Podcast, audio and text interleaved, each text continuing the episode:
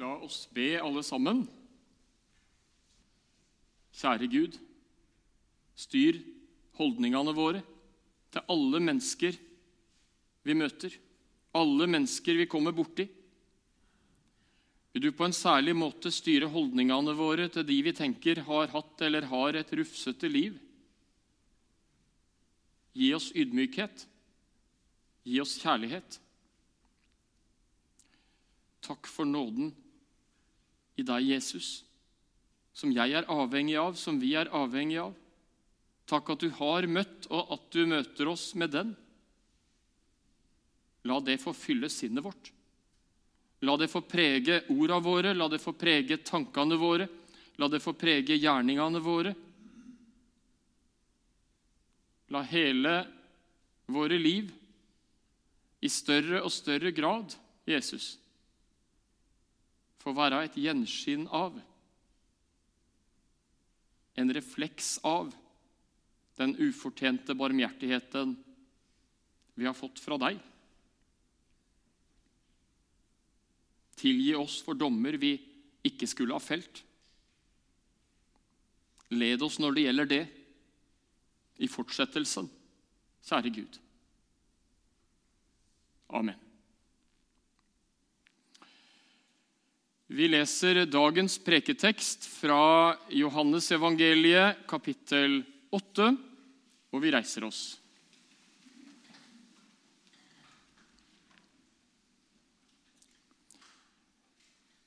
Tidlig neste morgen kom Jesus til tempelet igjen. Hele folkemengden samlet seg om han, og han satte seg og begynte å undervise dem. Da kom de skriftlærde og fariseerne med en kvinne som var grepet i ekteskapsbrudd. De førte henne fram og sa, 'Mester, denne kvinnen er grepet på fersk gjerning i ekteskapsbrudd.' I loven har Moses påbudt oss å steine slike kvinner. Hva sier du? Dette sa de for å sette ham på prøve, så de kunne få noe å anklage ham for. Jesus bøyde seg ned og skrev på jorden med fingeren.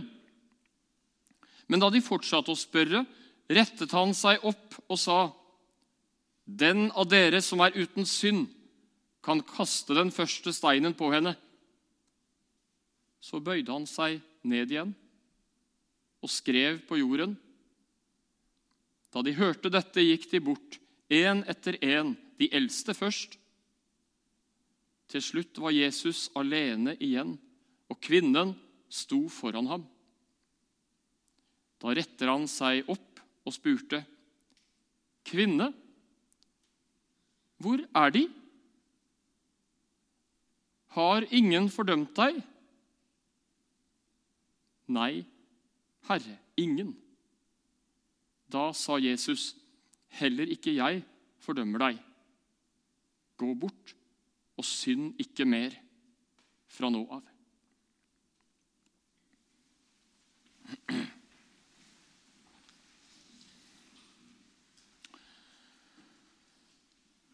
Som antyda ved innledningsorda i denne gudstjenesten, så ville jeg gjerne at vi sammen, hver enkelt, kan prøve å permittere så mye som mulig av andre tanker og følelser vi måtte drasse med oss, og prøve å flytte inn i denne teksten og prøve å være litt i det som skildres i Johannes 8. Kan du se for deg ansiktene til disse mannfolka? Kan du se for deg at det kanskje, hvis du hadde sett nøye etter, at du ville ha sett litt skadefryd? Endelig fant vi ei vi virkelig kunne ta. Også de bevisene vi har, det er jo så det er i massevis. Og endelig hadde de fått en mulighet til virkelig å presse Jesus opp i et hjørne. Kan du se for deg kanskje litt av kulden bak det ellers ganske fromme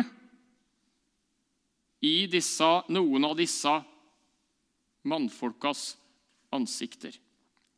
Og så var det tilskuere, antageligvis. Det har jo lett for å være det når det er dramatikk, har det ikke? Kan du se for deg noen av de ansiktene av de som var passive tilskuere til opptrinnet? Se litt av den derre nysgjerrigheten, litt av den derre ikke så gode nysgjerrigheten eh, som er der når andre blir invadert i sitt høyst private liv, i det som ikke hører hjemme i det offentlige rom. Kan du se for deg noen av de ansiktene der du sitter? Kan du lage en slags indre hvor det tas, tas inn? Lurer på om du skal lukke igjen døra der. jeg.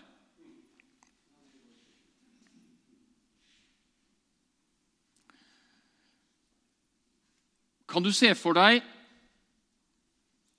Jesu ansikt? Eller aller først, vi tar et steg av gangen. Kan du se for deg kvinnens ansikt? Kan du se for deg hvordan det er knuga av skam, av selvforakt?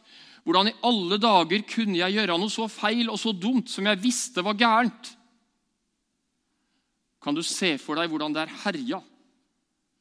Hvordan det er smerte, skam, rødmende skam inn i hennes såre, kjempende ansikt, der hun står til offentlig skue og blir utsatt for det mennesker enda mye mer blir utsatt for i 2021, hvor vi har en gapestokk som er mer brutal enn gapestokken på tempelplassen som denne kvinnen blei plassert i. For i dag har vi Internetts gapestokk, som ofte er enda mer brutal som ofte spres til veldig mange flere, og med kommentarer og med synsinger og jeg vet ikke hva, som er med å brette ut i full offentlighet den private skam og den intime sfære. Og det rammer offeret, og det rammer offerets barn og offerets barnebarn, kanskje. Og de dras inn i et lidelsesdragsug, ganske mange, av noe av den gapestokken. Og vi er kanskje nysgjerrige tilskuere og kjenner det pirrer noe i vår kjødelige nysgjerrighet og lar oss underholde av at andre dras ned i søla. Er det ikke sånn? Jeg tror det skammelige ofte er sånn. Og vi glemmer lett hvor mange sår fenomenet lager, også i vår tid, og kanskje aller mest. Kanskje aller mest i vår tid.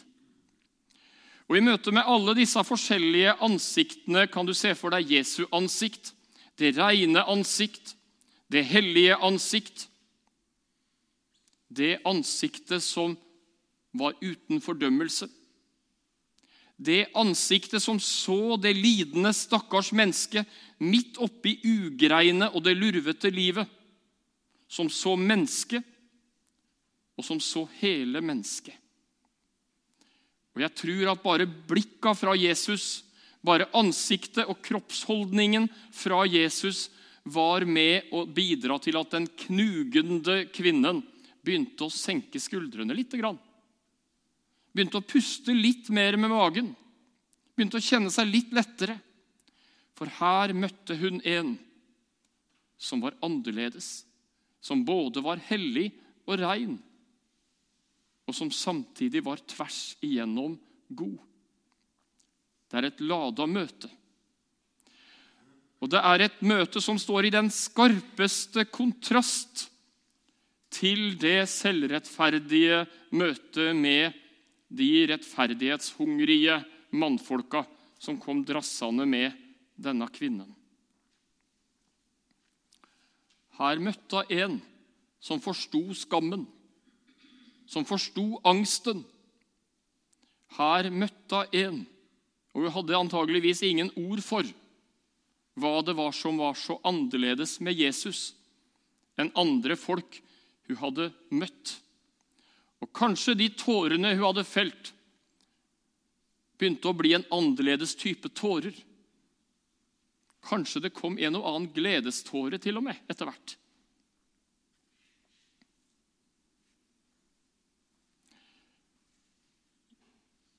Jesus bøyde seg ned og skreiv i sanda.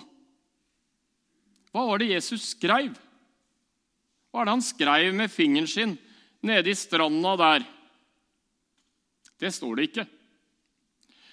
Den eh, kjente forfatter Selma Lagerlöf har eh, lurt på kan det tenkes at Jesus skrev kvinnenavn i sanda. Kan det tenkes at noen av de mannfolka som kom der, kjente igjen disse kvinnenavna? Det trodde jeg ingen visste. At jeg for noen tiår siden sa eller gjorde noe som ikke var greit mot den og den kvinnen. Og jammen meg, der står det navnet i sanda. Sånn eh, funderer Selma Lagerlöf omtrent. Kan det tenkes at de møtte seg sjøl i døra fordi Jesus ser og vet det som er hemmelig for andre folk? Kan det tenkes det var en medvirkende årsak til at de luska stillferdige og litt skamtynget bort? De som kom der så tøffe og høyreiste med sine anklager mot den, synden, den kvinnen som hadde feila og synda og forbrutt seg? Eller kan det tenkes at det var noe helt annet? Eh, jeg har prøvd å tenke tanken Hva hvis de minst ærefulle ting, de tinga jeg skammer meg mest over i Morten Prest sin liv, sitt liv, hvis det var hogd i stein, og så var den steinstøtta satt på Tønsberg Torv, med fullt navn og adresse og hele pakka Åssen ville jeg kjent det? Jeg ville likt dårlig at det sto i stein. Og jeg ville likt veldig dårlig at det sto der. Ville du likt det om deg? Da ville jeg tross alt mye heller at det skulle skrives i sand rett før tidevannet kom og viska det ut. Det er ganske stor forskjell, veldig stor forskjell, på det å skrive i stein, hogge i stein, og det å skrive i sand. Kan det tenkes at det var noe av det som lå i den visualiseringen, i, den, i det symbolspråket som Jesus brukte her, og som Jesus ofte brukte når han forkynte? Han brukte ofte også det vi kan se med øynene i sin forkynnelse av det frigjørende budskapet han skulle og så gjerne ville formidle.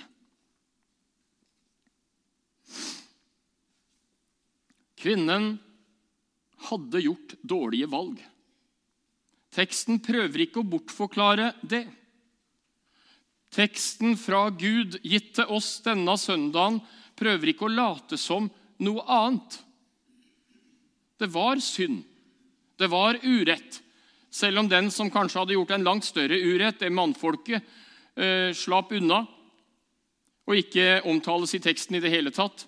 Dessverre har det ofte vært sånn gjennom historien at eh, kvinnen har blitt igjen som syndebukk, og menn har sluppet urettferdig billig urett unna. En urett som de jammen meg hadde et fellesansvar for, som bare det.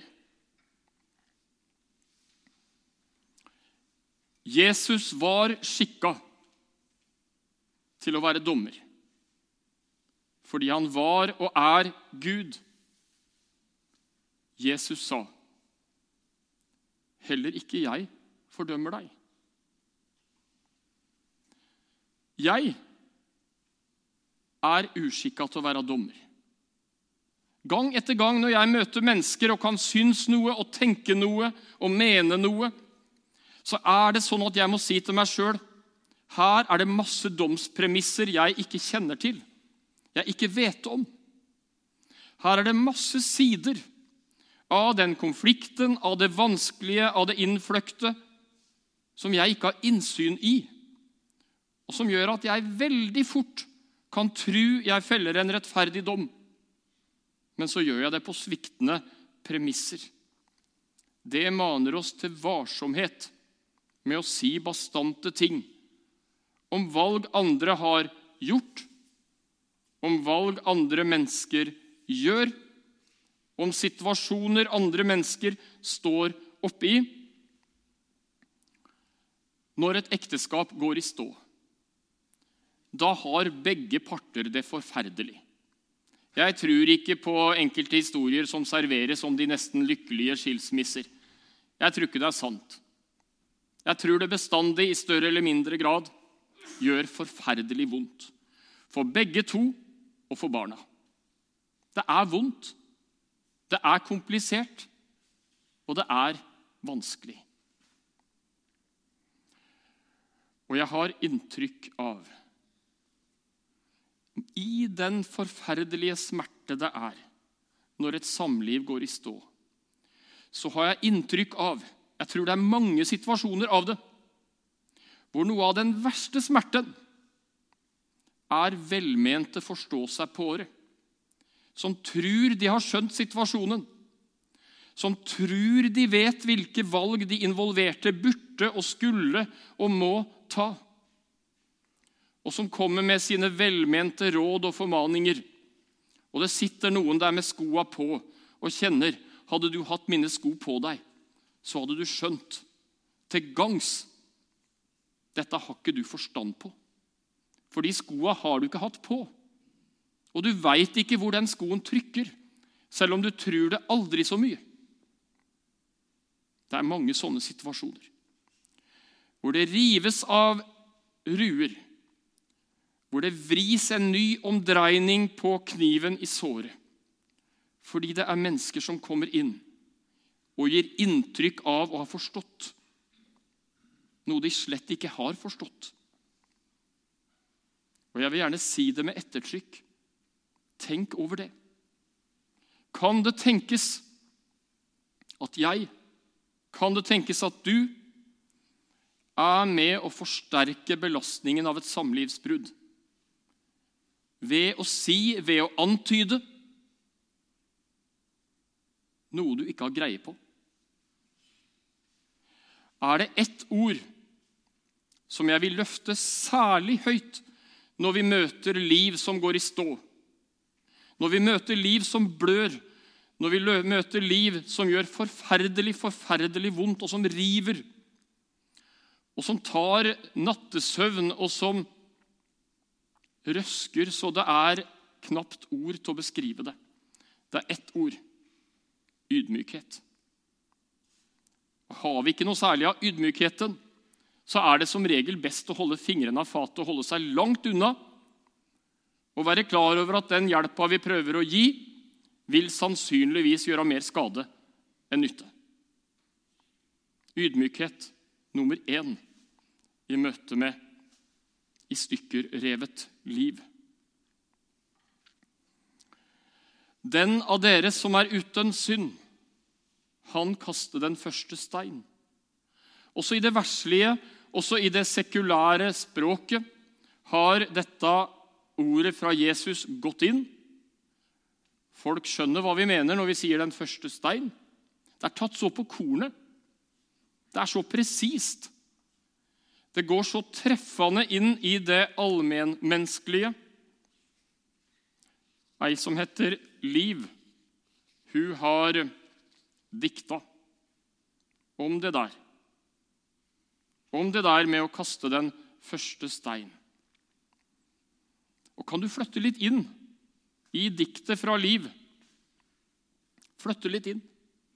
Være litt i det. Være litt i det med de livsfortellingene som du møter. De menneskene du møter, har møtt, kommer til å møte eller har en relasjon til nå, hvor dette er aktuelt. Og Kan du se for deg hvordan liv i dette diktet illustrerer noe sentralt og noe grunnleggende med de knyttede never.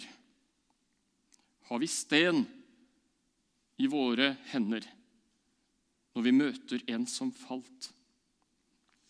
Har vi dom i våre øyne, så vårt blikk blir hardt og kaldt? Vi vil slippe våre stener. Vi vil rekke ut vår hånd. Kristus mildner våre øyne når han gir oss av sin ånd. Vi har alle falt i støvet. Alle trenger vi en bror. Han som elsker, ber oss prøve og gi varme til vår jord. Det er kallet vårt i dag. Han som elsker, ber oss prøve å gi varme til vår jord.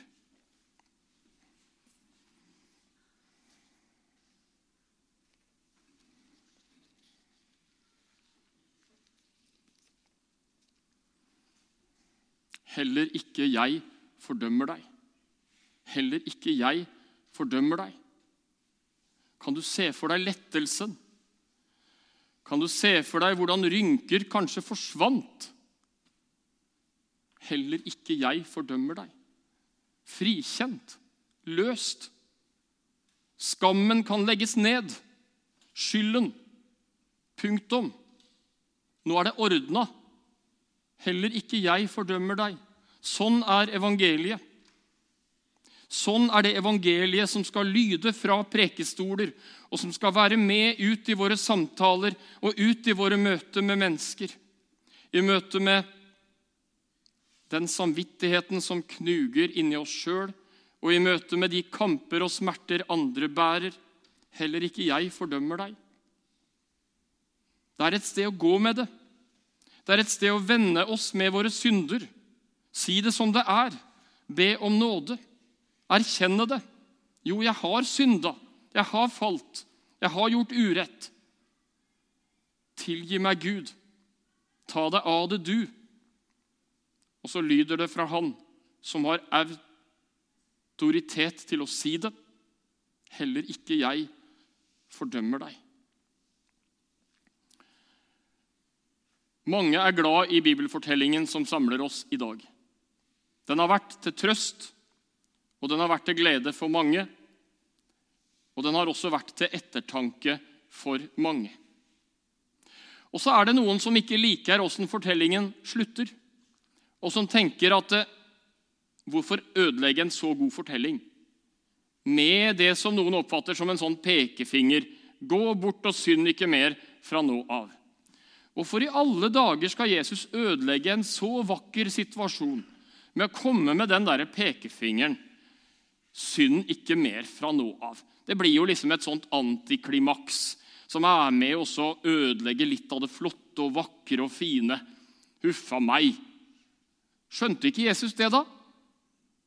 Var ikke dette dumt? Å slutte sånn?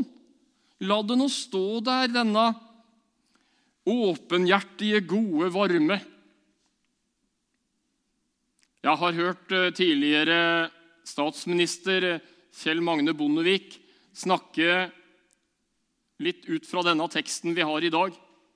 Og han var nøye med å ta med avslutningen. Synd ikke mer fra nå av. Og poengterte, husker jeg, at den avslutningen var det viktig å ikke glemme. Det er en viktig del av evangeliet, men det må forstås riktig. Og Vi skal se litt på det. Tror du kvinnen opplevde det som en sånn der nedtrykkende pekefinger? Tror du det? Synd ikke mer fra nå av.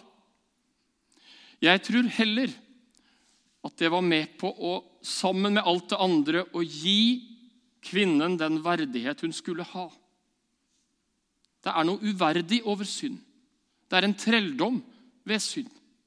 Det er et fangenskap der synden får herje, og der synden får makta inn i våre liv. Det er en viktig del av Jesu frihetsprosjekt, det også. Synd ikke mer fra nå av.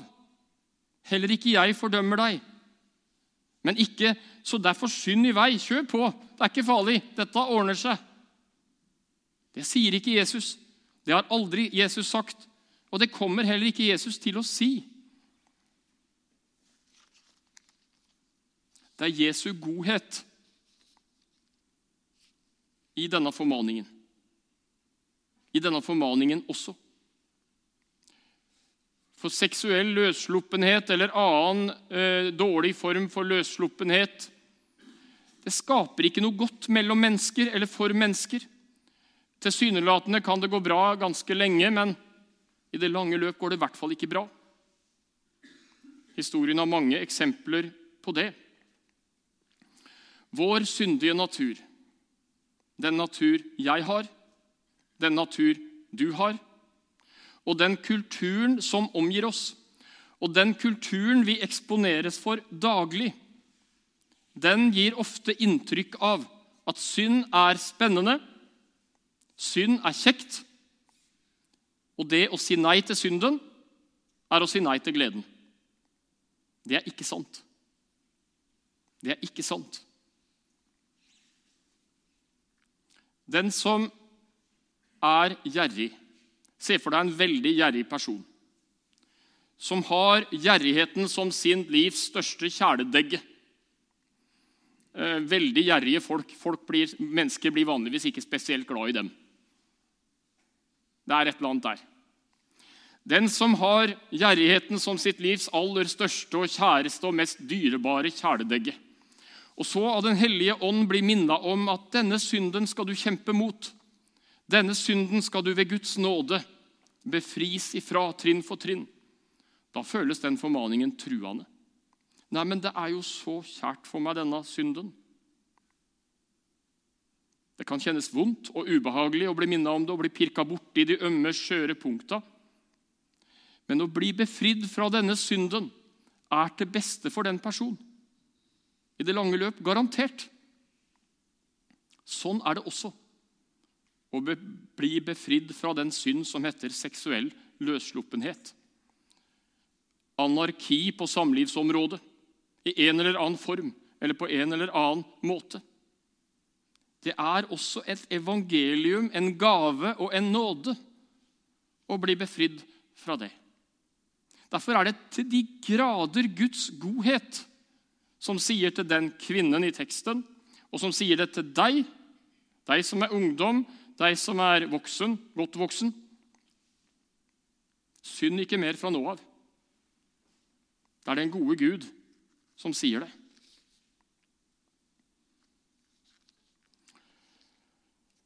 VG hadde en eh, overskrift med feite typer. 'Utroskap kan være vakkert'. Det er feilinformasjon. Det er ikke sant. Det er dårlig journalistikk. Og det er dårlig skjøtting av det samfunnsansvar VG har å skrive sånt. For det er akkurat det folk ikke trenger å lese. For det er altfor mange som innbiller seg at det er sant. Og det er fullstendig feil.